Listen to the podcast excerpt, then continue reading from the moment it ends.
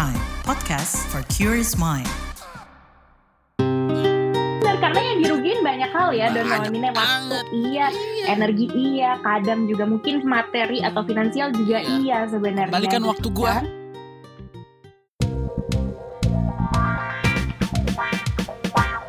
Disko, diskusi psikologi.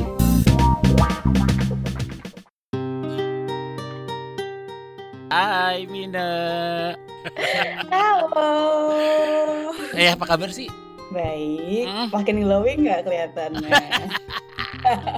Gue glowing tapi karena filter sih ini. ya Allah, jahat banget.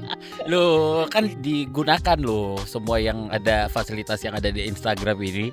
Dan apa kabar? Rasanya Baik, aneh nih, baik. bener-bener secara Hmm. tanah dan udara yang dihirup tuh terpisah jauh gitu. Ini Hmm. real LDR sih. Hmm.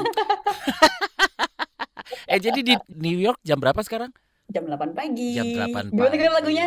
You Gimana say lagunya? good You say morning. good morning. When it's waduh itu bener-bener terjadi ya by the way ya kan walaupun kita Hmm. LDR kita bisa tetap langsung menyapa para warrior semuanya. Jadi sekali lagi selamat datang kembali di podcast Disco diskusi psikologi persembahan KBR barang komunitas Into the Light Indonesia. Hapus stigma peduli sesama sayangi jiwa. Mudah-mudahan semuanya dalam keadaan baik-baik saja. Dan seperti yang kita ketahui ya kan banyak banget berita yang beredar. Lu masih update gak sih Mina berita-berita di Indonesia Kayaknya sih berusaha untuk update ya. following lu juga portalnya Indonesia juga kan pasti kan Bener, bener. Cuman kayak lebih ke mungkin yang bikin jadi semakin bisa update tuh nggak cuman update aja tapi jadi bisa lebih relate ya. Hmm, Biasalah ya, Hmm. Dengan segala curhatannya gitu ya. Berita-berita yang belakangan itu apalagi di apa ya bukan bukan yang internasional atau yang nasional tapi kayak mungkin di isu-isu yang relationship gitu hmm. lagi banyak banget ngebahas tentang perselingkuhan gitu kan. Wis bener banget tetap update ya sebenarnya banyak Mm-mm. banget kasus perselingkuhan yang gak cuma artis aja atau public figure yang rame dan juga menyita perhatian gitu loh Mina Benar-benar karena kan yang bisa selingkuh nggak cuma tokoh masyarakat, yang bisa Iya. ke blow up juga nggak cuma tokoh masyarakat kan sebenarnya. Dan kalau ngomongin tentang selingkuh itu sebenarnya selingkuh perselingkuhan sendiri tuh termasuk yang gue baca ya, termasuk ke kekerasan psikis sebenarnya. Iya. Kalau menurut eh, undang-undang tentang penghapusan kekerasan dalam rumah tangga atau eh, KDRT gitu ya, perselingkuhan itu termasuk ke dalam bentuk kekerasan psikis atau psikologis. Hmm, Nah, ini kalau nggak salah UU nomor 23 tahun 2004 gitu. Which is kayak, iya sih biasanya kalau udah ada isu perselingkuhan tuh kan rumah tangga atau Betul. bahkan hubungan jadi mm-mm. terguncang banget gitu kan. Mm-mm. Jadi eh, it's a big deal sebenarnya. Hmm, tapi ya nggak jarang ya kan korban perselingkuhan itu Mm-mm. mendapatkan treatment yang memadai gitu. Kalau cerita ke orang terdekat gitu ya, cuma dianggap Mm-mm. apes, terus juga di ya puk puk puk puk gitu tuh. Disuruh move on ya udah move on gitu loh. Kadang malah ada yang kayak, ya lu sih sebagai pasangannya nggak cukup sayang, nggak Ya, cukup perhatian, makanya dia pergi. Lah malah di eh, gaslight gitu kan. Kayak kalau gue sih sejujurnya udah tim ini aja sih tim nggak nggak mau nggak mau jadi orang yang selingkuh, nggak mau juga diselingkuhin ya kayak big Hmm. no no gitu. Eh, Gimana nih menurut Warriors? Mm-mm. Apakah perselingkuhan itu Menurut lo gimana apakah, perselingkuhan tapi itu? ya menurut lo gimana ya gitu Yes. bener apa s- gimana sih eh, pandangan lo tentang perselingkuhan nah ini Betul. mumpung nggak ada karakter terbatas ya Yes. nggak ada words yang terbatas kan ya kalau di Instagram nah boleh nih nih curhat monggo di di kolom komentar Iya. gitu. Dan seperti biasa kalau kita berdua itu pasti kita nggak mau so tahu. Jadi kita phone friend ya. kita hari ini kedatangan tamu spesial Mhm. bersama Kak Koleta Ashintia Saraswati ya. Empathy psikolog nih. Kak Koleta ini merupakan associate psikolog juga di Mhm. Yayasan Pulih dan bicarakan.id nih sudah muncul Hai Kak Koleta. Halo. Malam Mine dan Don. Eh, dan Mina good morning tuh. LDR kita ya, Mine. Iya. Good morning, Mine. kita aja bisa LDR ya masa kalian enggak eh Yeay, yeay, yeay, yeay. Enggak ya, LDR menurut gua LDR itu adalah salah satu pemicu selingkuh. Hmm, Iya, menarik. itu Menurut gue. itu menarik. Iya. Mungkin kita bisa bisa tanya nih Kak Kak Koleta ya Yes. kita panggilnya. Kita selama ini sering dapat berita, mungkin teman-teman atau mungkin pengalaman pribadi juga ya mengalami eh, perselingkuhan. Nggak tahu lah, nggak nggak nggak bahas diselingkuhi atau menyelingkuhi. Tapi sebenarnya apa sih Kak dampak dari perselingkuhan ke individu gitu, ke diri seseorang? Mm. Oke, thank you banget nih Mine dan juga Don terkait dengan pertanyaannya. Dan aku setuju banget ini adalah suatu topik yang sedang hits dan kayaknya tidak akan pernah habis untuk dibahas juga Setuju. sepertinya ya, Ya. karena akan selalu ada nih. Nah, mungkin sebelum aku lebih lanjut ke sana, Mine sama Don, mungkin aku penasaran sedikit aja gitu ya. Kalau dari persepsinya Mine sama Don, sebenarnya selingkuh dari persepsi kalian itu apa nih definisinya? Kecil aja misalnya. Selingkuh, mendua. Hmm. Pokoknya lebih dari Udah satu ya. ya. Mendua, mentiga, mem- me- berempat, berlima. eh, Pokoknya lebih dari satu. Berarti lu nggak punya pasangan satu. Kalau gue. Yes, Mm-mm. gitu. Ah, Yes. Pasangan tetap Oke. ya. Boleh nggak kalau Don bilang mendua, gue bilang mentiga gitu. Eh, gue udah ambil tadi. Men empat, men lima. Gimana, Mina? Oke, oke, oke. Mine gimana? Eh, gimana ya? Selingkuh itu kayak ya nggak bisa komitmen sih berarti ya. Atau ya komitmennya bisa, tapi nggak cuma satu. Bener nggak cuma satu. Jadi Hmm. banyak gitu kecil-kecil-kecil. di- Tapi yang yang officialnya kayak satu gitu, yang resminya yang mungkin dipublikasikan Ka- gitu satu. Kalau gue memang em, kalau berdua, bertiga, berempat itu tetap ofisial. Kalau gue itu selingkuh. Jadi ofisialnya itu nggak cuma satu. Nah iya, Nah. jadi jadi tapi Ya, nggak ya, bisa ya, ya. komitmen gitu, Iya, nggak nggak bisa berkomitmen untuk eh, dengan satu aja gitu Betul, ya. iya. Bahasa gampangnya nggak bisa setia kali ya gitu kan. Nah. Tapi entah kenapa kalau sama selingkuhan bisa bisa setia sama selingkuhnya juga kan bingung ya. Hmm. Sama ya durasinya betul betul. ya gitulah. Oke oke. Oke, thank you banget nih Mine sama Don. Kalau misalnya dari yang aku tangkap barusan ini lebih ke arah ada unsur tebar jala gitu ya, ibaratnya Nah, ya. kepada beberapa pihak sekaligus gitu. Dan benar banget kalau kita lihat by definition, selingkuh sendiri itu apa? Benar banget selingkuh itu adalah suatu tindakan ketidaksetiaan gitu. Eh, Mine sama Don. Jadi maksudnya ketidaksetiaannya ini benar. Mungkin tadi kalau misalnya selingkuhnya beberapa kali, ketidaksetiaannya ini kan ke banyak orang ya. Berarti kan bukan Iya. cuma sama Iya. pasangan yang pertama aja nih. Jadi memang ben- betul adalah suatu tindakan ketidaksetiaan yang melanggar dua hal nih, Mine sama Don. Satu, komitmen dari relasi itu sendiri, dan kedua, intimasi.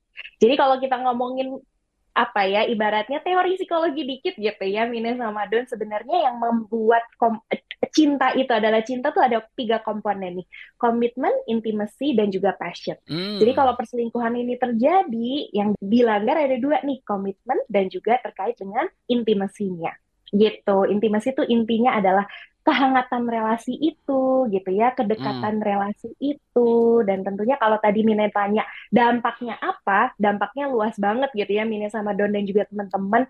Biasanya kalau kita memandangnya dari tiga faktor nih Ya. biologisnya, psikologisnya, sama sosialnya.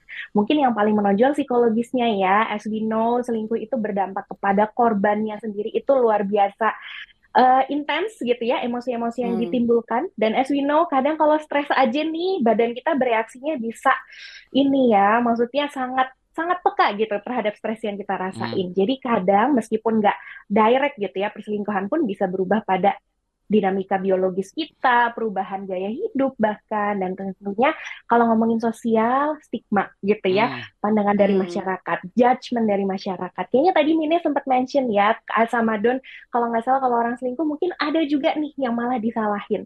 Ya kayaknya lo deh yang Hmm. kurang menyediakan waktu. Kayaknya lo deh yang Nah. titik-titik-titik Nah. gitu ya. Oke, Hmm. sebelum masuk ke pertanyaan berikutnya ini tadi sudah ada yang komentar juga. Jadi buat warrior yang mau komentar atau mau curhat, boleh nggak sih Kak Koleta curhat? Boleh banget dong ya, dan sama Mine. Boleh lah ya. Eh, Boleh ya. banget. Hmm, Iya, oke. Bener. eh, Nah, eh. kalau nggak ada yang curhat, kita yang curhat berdua nih ya. Nah, oh senang banget kita kalau curhat ya. Kerjaan kita itu buat curhat ya Mina. Jadi Citra Baneza, selingkuh itu nyeleweng dari pasangan Kak. Nggak ada komitmen dan kesetiaan. Benar, tadi udah Kak Kauleta bilang juga.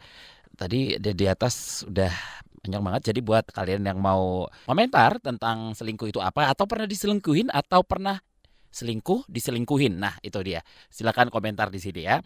Ya, jadi kalau kita lebih spesifik nih Kak Koleta ngomongin kesehatan Hmm. mental ya. Ada nggak sih kerugian psikis yang dialami orang oleh korban perselingkuhan? Oke, good question banget nih Don sama Mine. Jadi Mm-mm. kalau misalnya kita spesifik ngomongin soal kesehatan mentalnya gitu ya, Ya. kerugian dan aku suka banget nih yang di-highlight adalah kerugian gitu ya. Jadi sebenarnya bukan cuma dampak, tapi kenapa dibilang kerugian? Karena ini benar-benar udah merugikan dari korban perselingkuhannya itu sendiri.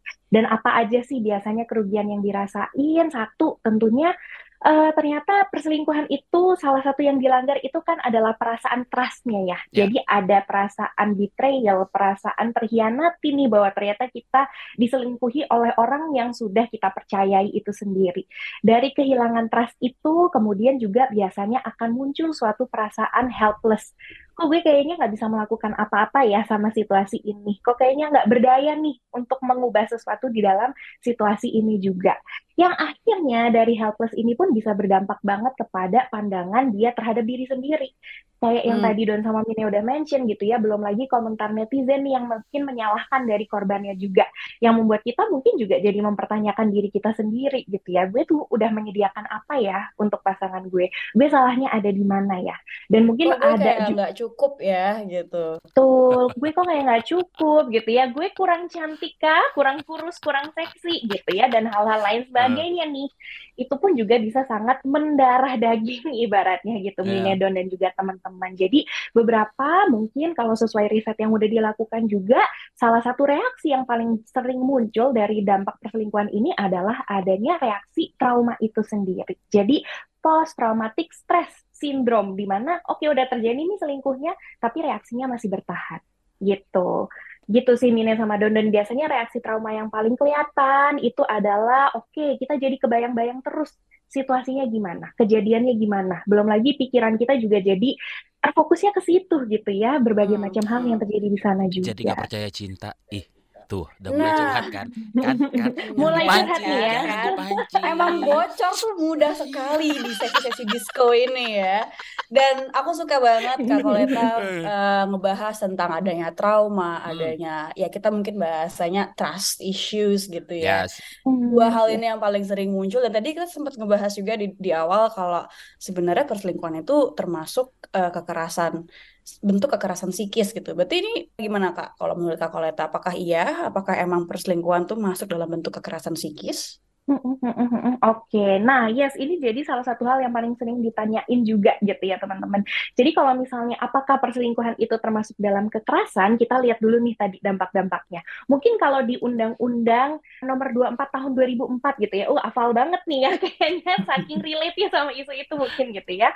Itu di situ memang belum dispesifikin gitu ya bahwa perselingkuhan adalah bentuk dari kekerasan psikis. Tapi yang dispesifikin adalah kekerasan psikis itu apa aja sih yang menimbulkan perasaan helpless, menimbulkan ketidakpercayaan diri, dan menimbulkan satu luka batin yang sangat besar dalam diri seseorang.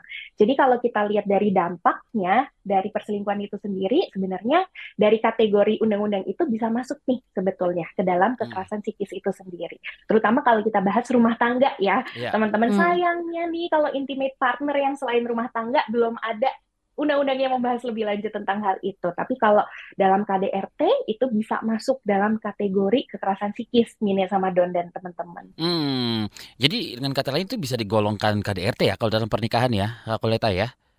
Yes, benar banget Don. Sebetulnya itu adalah salah satu bentuk dari KDRT itu Uh. sendiri. Berarti kalau termasuk sebagai KDRT, kita sekarang ngomongin kalau konteksnya di uh, pernikahan ya Kak Ya, Koleta. Apakah bahkan perlu ditangani layaknya kasus KDRT gitu? Apakah kasus perselingkuhan itu ya akhirnya bisa bisa masuk ke jalur hukum juga mungkin something like that? Hmm. Oke, gimana Yes, tuh? Kak? itu pertanyaan menarik banget dan bener banget Mine sama Don karena ini tergolong dalam kasus kekerasan gitu ya Mine sama Don sebetulnya hak-hak yang dimiliki oleh korban itu sama seperti hak-hak yang dimiliki oleh korban dari kekerasan secara fisik gitu ya, ataupun kekerasan secara psikis itu sendiri. Hak-haknya apa aja mendapatkan perlindungan baik secara hukum Mhm. dan mendapatkan pendampingan sebetulnya, pendampingan secara uh, psikologis gitu ya, secara entah melalui konseling, terapi dengan psikolog dan ataupun bahkan didampingi oleh dinas sosial itu sendiri. Jadi kalau ta- pertanyaannya bisa diperkarakan atau enggak gitu ya, sebetulnya Mm. kalau berdasarkan undang-undang bisa dikenakan pasal pidana seperti itu. Tapi kalau kita membicarakan mengenai kenyataannya seperti apa, mungkin itu adalah hal yang beda lagi nih Min ya sama Don. Tapi kalau basicnya sebetulnya sangat bisa di dalam tanda kutip diperkarakan gitu ya. Kenyataannya sangat-sangat ambigu dan sulit kayak kadang tadi kan kita masih suka ada di situasi yang kayak sa- saling nyalahin kayak ya gara-gara lu Mm-mm. sih gitu kan kayak tadi ada mm, komentar nih dari Citra Baneza gimana kalau saat diselingkuhin malah kita yang dihakimin kayak selingkuh karena aku tuh selingkuh karena kamu tuh kurang ini itu nah Tuh. Eh, ada lagi yang kayak pernah nggak sih Don denger istilah micro cheating micro kayak kalau cheating, kita pernah ya. Heeh, ada mikro, ada makro, udah kayak apa nih ya ampun, Nah itu itu itu gimana posisinya itu kalau kita micro cheating gitu? Apakah memang sudah merugikan atau berdampak buruk? Bentuknya apa sih? Gue cuman tahu namanya aja nih, biar gak ketinggalan aja tuh. Nama. Iya. Bener, bener, bener, bener, Don. Yes, yes, yes. Dan ini ya, si benar kata Mine tadi, karena cheating itu atau perselingkuhan sebenarnya masuk ke dalam gray area gitu ya, yang Ya. subjektif mungkin, dan misalnya kayak tadi Don sempat mention juga, mungkin disalah-salahin gitu ya, adalah yang namanya si tambahan lagi nih, si micro cheating ini sendiri. Kenapa dinamai micro? Karena saking kecilnya gitu ya, mungkin kita yang ada di dalam relasi itu nggak notice gitu. Hmm. Nah, memang perdebatannya apakah ini micro cheating udah termasuk selingkuh belum nih sebenarnya? Itu Hmm. yang abu-abu juga di sana. Tapi mungkin kalau aku boleh sedikit sharing tentang micro cheating itu sendiri gitu ya, Mine, Don dan juga teman-teman. Micro cheating ini ada beberapa intinya adalah berbagai macam sikap gitu ya ataupun tindakan yang juga berpotensi mengancam komitmen ataupun uh, intimasi dari relasi itu sendiri. Contoh kecilnya gitu ya, Mine sama teman-teman ya mungkin kita boleh saling berefleksi jangan-jangan kita ngelakuin ini kalau nggak sadar gitu ya. Gue pernah sih kayaknya. yang Makasih Don Ini pengakuan dong. Iya iya iya iya. bagus-bagus Iya, saya iya. mengapresiasi Iya dong. Heeh. Oke, jadi contoh kecilnya gitu ya teman-teman. Hmm. Contoh kecilnya adalah misalnya nih kita tahu ada orang suka sama kita gitu ya atau menunjukkan ketertarikan sama kita. Nah, kita memberikan suatu entah itu tanggapan, entah itu ruang gitu ya, yang membuat orang yang suka sama kita ini jadi merasa kayak gue punya kesempatan nih, misalnya kayak Dapat gitu. lampu hijau gitu ya Dapat kak. lampu hijau, Hmm. betul banget, bener ya. Atau mungkin juga misalnya hal-hal sekecil, oh kita udah punya pasangan gitu ya, tapi Hmm. kita nggak ngakuin nih pasangan kita gitu. Hmm, Misalnya hmm, Wah. teman-teman, oh ini teman gue gitu ya. Ataupun misalnya di Instagram nih, di sosial media yang memang lagi jadi, eh, ya semua orang punya sosmed gitu ya, tapi kemudian nggak pernah diakui dalam tanda kutip, meskipun ini bukan cuma satu-satunya gitu ya, teman-teman. Itu sebetulnya juga dalam tanda kutip tanda-tanda Kenapa lu gitu. gak pernah Sama posting gue di Instagram? Nah gitu ya. Iya, itu Bener. pertanyaan banyak kaum Aduh. Tolong, tolong. Ada apa MJ? Spiderman tolong tangkepin orang ini. Loh, kenapa? Aku habis kena tipu investasi bodong nih. Sekarang aku bangkrut. Kosanku bakal nunggak tiga bulan. Oh alah, pasti belum dengerin uang bicara ya? Uang bicara. Apa itu? Podcast ekonomi dan literasi finansial dari KBR Prime. Narasumbernya kredibel dan topiknya cocok banget buat anak muda kayak kita. Ada juga nih, topik biar nggak ketipu investasi bodong. Oh iya, aku dengerin deh. Tapi kamu mau kan nangkep penjahatnya? Siap, apa sih yang nggak buat kamu? Uang Bicara, menavigasi kamu supaya tetap cuan dari KBR Prime. Bedanya micro cheating di sini nih teman-teman ada suatu thin line gitu ya ataupun gray line. Kalau micro cheating ini adalah orang yang dalam tanda kutip berpotensi menjadi orang ketiga, keempat dan lain sebagainya. Ini real nih ada di hadapan kita gitu ya. Maksudnya kita udah secara langsung punya relasi dengan mereka gitu. Itulah yang dinamakan dengan micro cheating. Jadi seseorangnya ini orang entah kedua, ketiga dan lain sebagainya gitu ya itu ada di, di hadapan kita. Bedanya di situ nih Mine sama Don. Hmm, Oke. Tadi Kak, kalau kita sempat ngebahas tentang bisa loh sebenarnya orang-orang yang menjadi korban perselingkuhan itu mendapatkan hak-hak mereka untuk pemulihan atau tadi ya supaya tidak mengalami luka psikis, luka batin. Mm -hmm. Berarti kan kalau misalnya memang bisa, pertanyaan kan mungkin lebih ke gimana ya kak caranya? Apalagi kalau sekarang tuh kita hmm. seringnya ya emang nggak pernah atau jarang lah dapat pemulihan yang proper gitu. Ya, korban perselingkuhan itu bisa tuntut ganti rugi nggak gitu deh? Materi gitu ya. Materi. Oke baik. Lu buang waktu gua. Pertanyaan bagus banget. Hmm. Benar, karena yang dirugiin banyak hal ya. Dan nominnya waktu iya, iya, energi iya, kadang juga mungkin materi atau finansial juga iya, iya sebenarnya. Balikan gitu waktu gua. Kan. Apalagi udah lima tahun.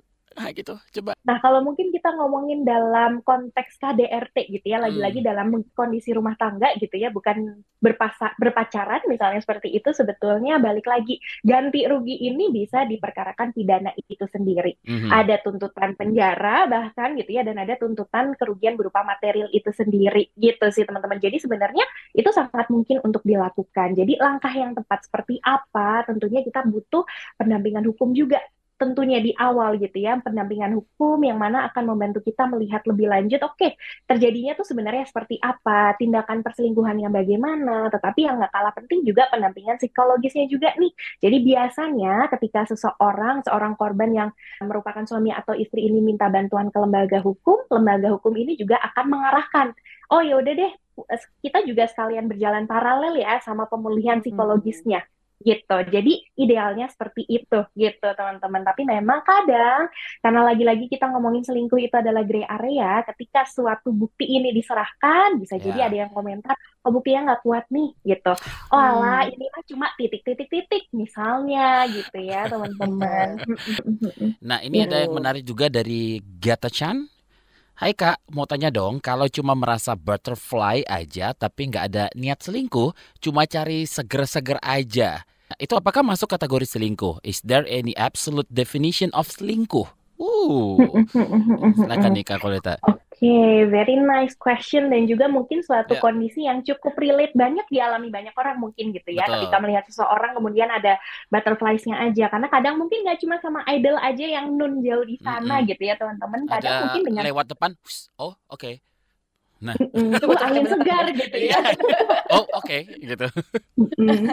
betul, betul, hmm. betul. Yes, jadi mungkin kategori kalau misalnya kita balik lagi ke definisi micro cheating ini sendiri gitu ya, sebetulnya ketika kita tidak act on it dalam artian oke, okay, gue suka gue merasakan butterflies dan gue akan berkeputusan untuk minta nomornya misalnya gitu yeah. ya. Itu baru masuk ke dalam kondisi micro cheating. Tetapi ketika kita menyadari oke okay, agak kesemsem gitu ya, tapi kita memutuskan untuk enggak deh dan enggak memberikan ruang untuk relasi itu berkembang lebih jauh. Nah, sebenarnya itu belum dikategorikan ke dalam perselingkuhan itu sendiri. Karena balik lagi namanya perasaan tuh bisa muncul kepada siapa pun dan kapan pun gitu ya, teman-teman. Tapi as a human being kita pasti punya power itu untuk ya udah gue nggak mau act on it gitu cukup sampai sini aja, cukup perasaan ini aja. Gitu. Gimana menurut Mina sama Don terkait hal ini?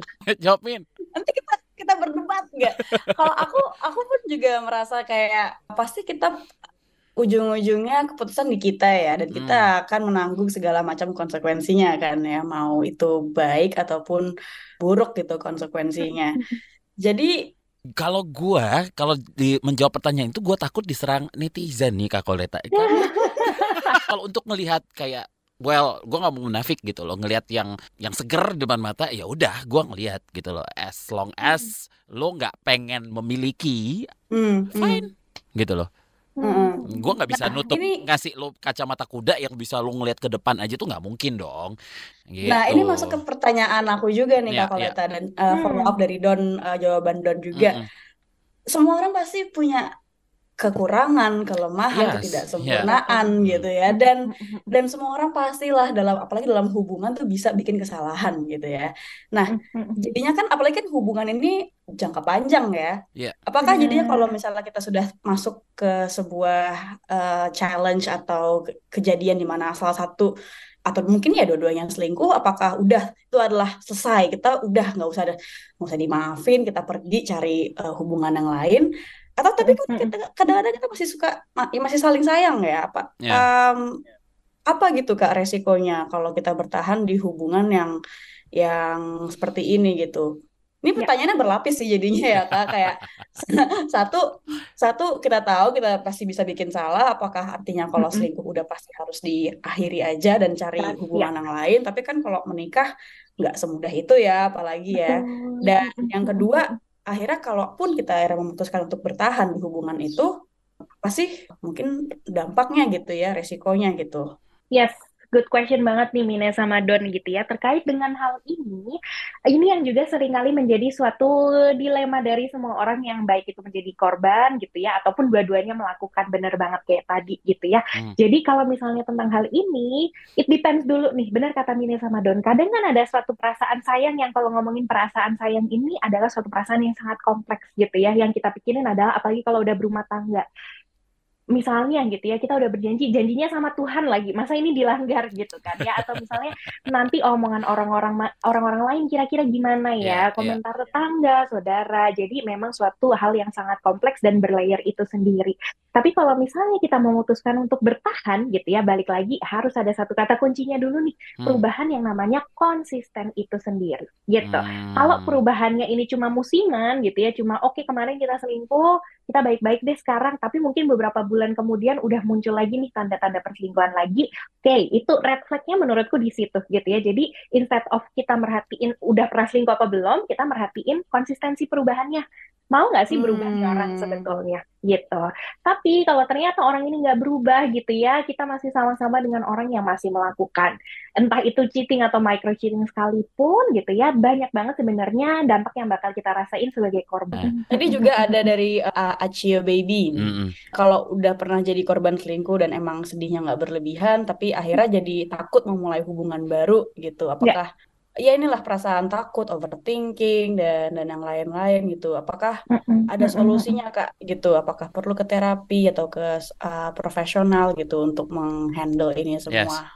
Mm-mm. Oke, yes, terkait dengan hal ini benar banget. Satu, sebenarnya itu reaksi yang wajar banget, teman-teman. Namanya juga trust kita tuh di betray gitu ya. Ada suatu perusakan trust yang terjadi di dalam uh, kondisi ini sendiri. Jadi ketika trust itu sudah rusak dalam tanda kutip, akhirnya kita pun ya yang muncul adalah reaksi ketidakpercayaan itu sendiri gitu.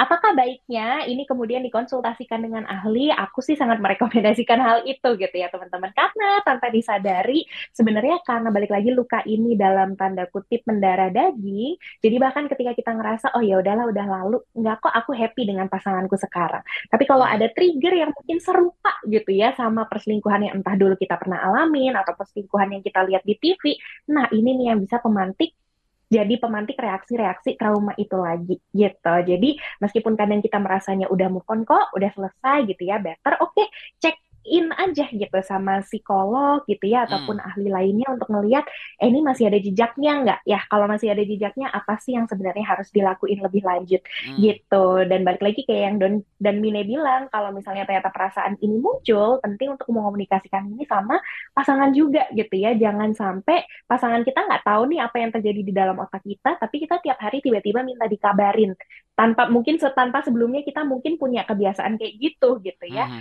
jadi better untuk eh oke gue lagi insecure atau misalnya gue lagi mengalami kondisi seperti ini nih. Boleh nggak bantu dengan cara titik-titik-titik Hmm. misalnya gitu. Terakhir untuk para kita-kita yang pendengar curhatan kita yang perlu ingat adalah karena yang bilang itu adalah trust. Jadi marilah berikan suatu space di mana orang itu bisa kembali menumbuhkan trust ya. Meskipun kita yang bukan bertanggung jawab gitu ya, Mhm. tapi kita bisa jadi salah satu faktor pendukung untuk penumbuh trust tersebut. Ya, begitu Minedon dan juga Warriors. Thank you, thank you so Thank much you. untuk Kak Koleta. Thank you juga nih para warriors yang Yes, udah yes, yes. ikutan Aha. di live malam hari ini ya. Uh, seru sekali. Jadi Dan mhm, Sekali lagi, kalau ketinggalan, kalian bisa mendengarkan podcast Disco yang tayang setiap Rabu, dua kali dalam sebulan ya. Dan Di di kbrprime.id dong pastinya. ya kan? Terima kasih Kak Koleta Asintia Saraswati MP MPC, psikolog yang merupakan associate psikolog di Yayasan Pulih dan Bicarakan.id yang sudah bersedia kita curhatin. Ya. Thank you banget nih untuk uh, para warriors yang sudah tune in ke IG Live, yang Mhm, mhm. sudah mau mendownload dan mendengarkan podcast-podcast dari Disco. Karena dengan mendengarkan podcast-podcast Disco, jangan lupa dengerin juga ya episode-episode lainnya. Tentunya kita juga jadi bisa membantu menghapus stigma di masyarakat, lebih peduli terhadap orang-orang di sekitar kita, dan tentunya jangan lupa untuk kita bisa lebih menyayangi jiwa sendiri. By the way, kemarin sempat World Mental Health Day ya, jadi kita Yes. sekaligus menselebrasikan World Mental Health Happy Day. World Mental Health Day. Happy World Mental Health Day teman-teman semua, Kak Koleta dan Dot.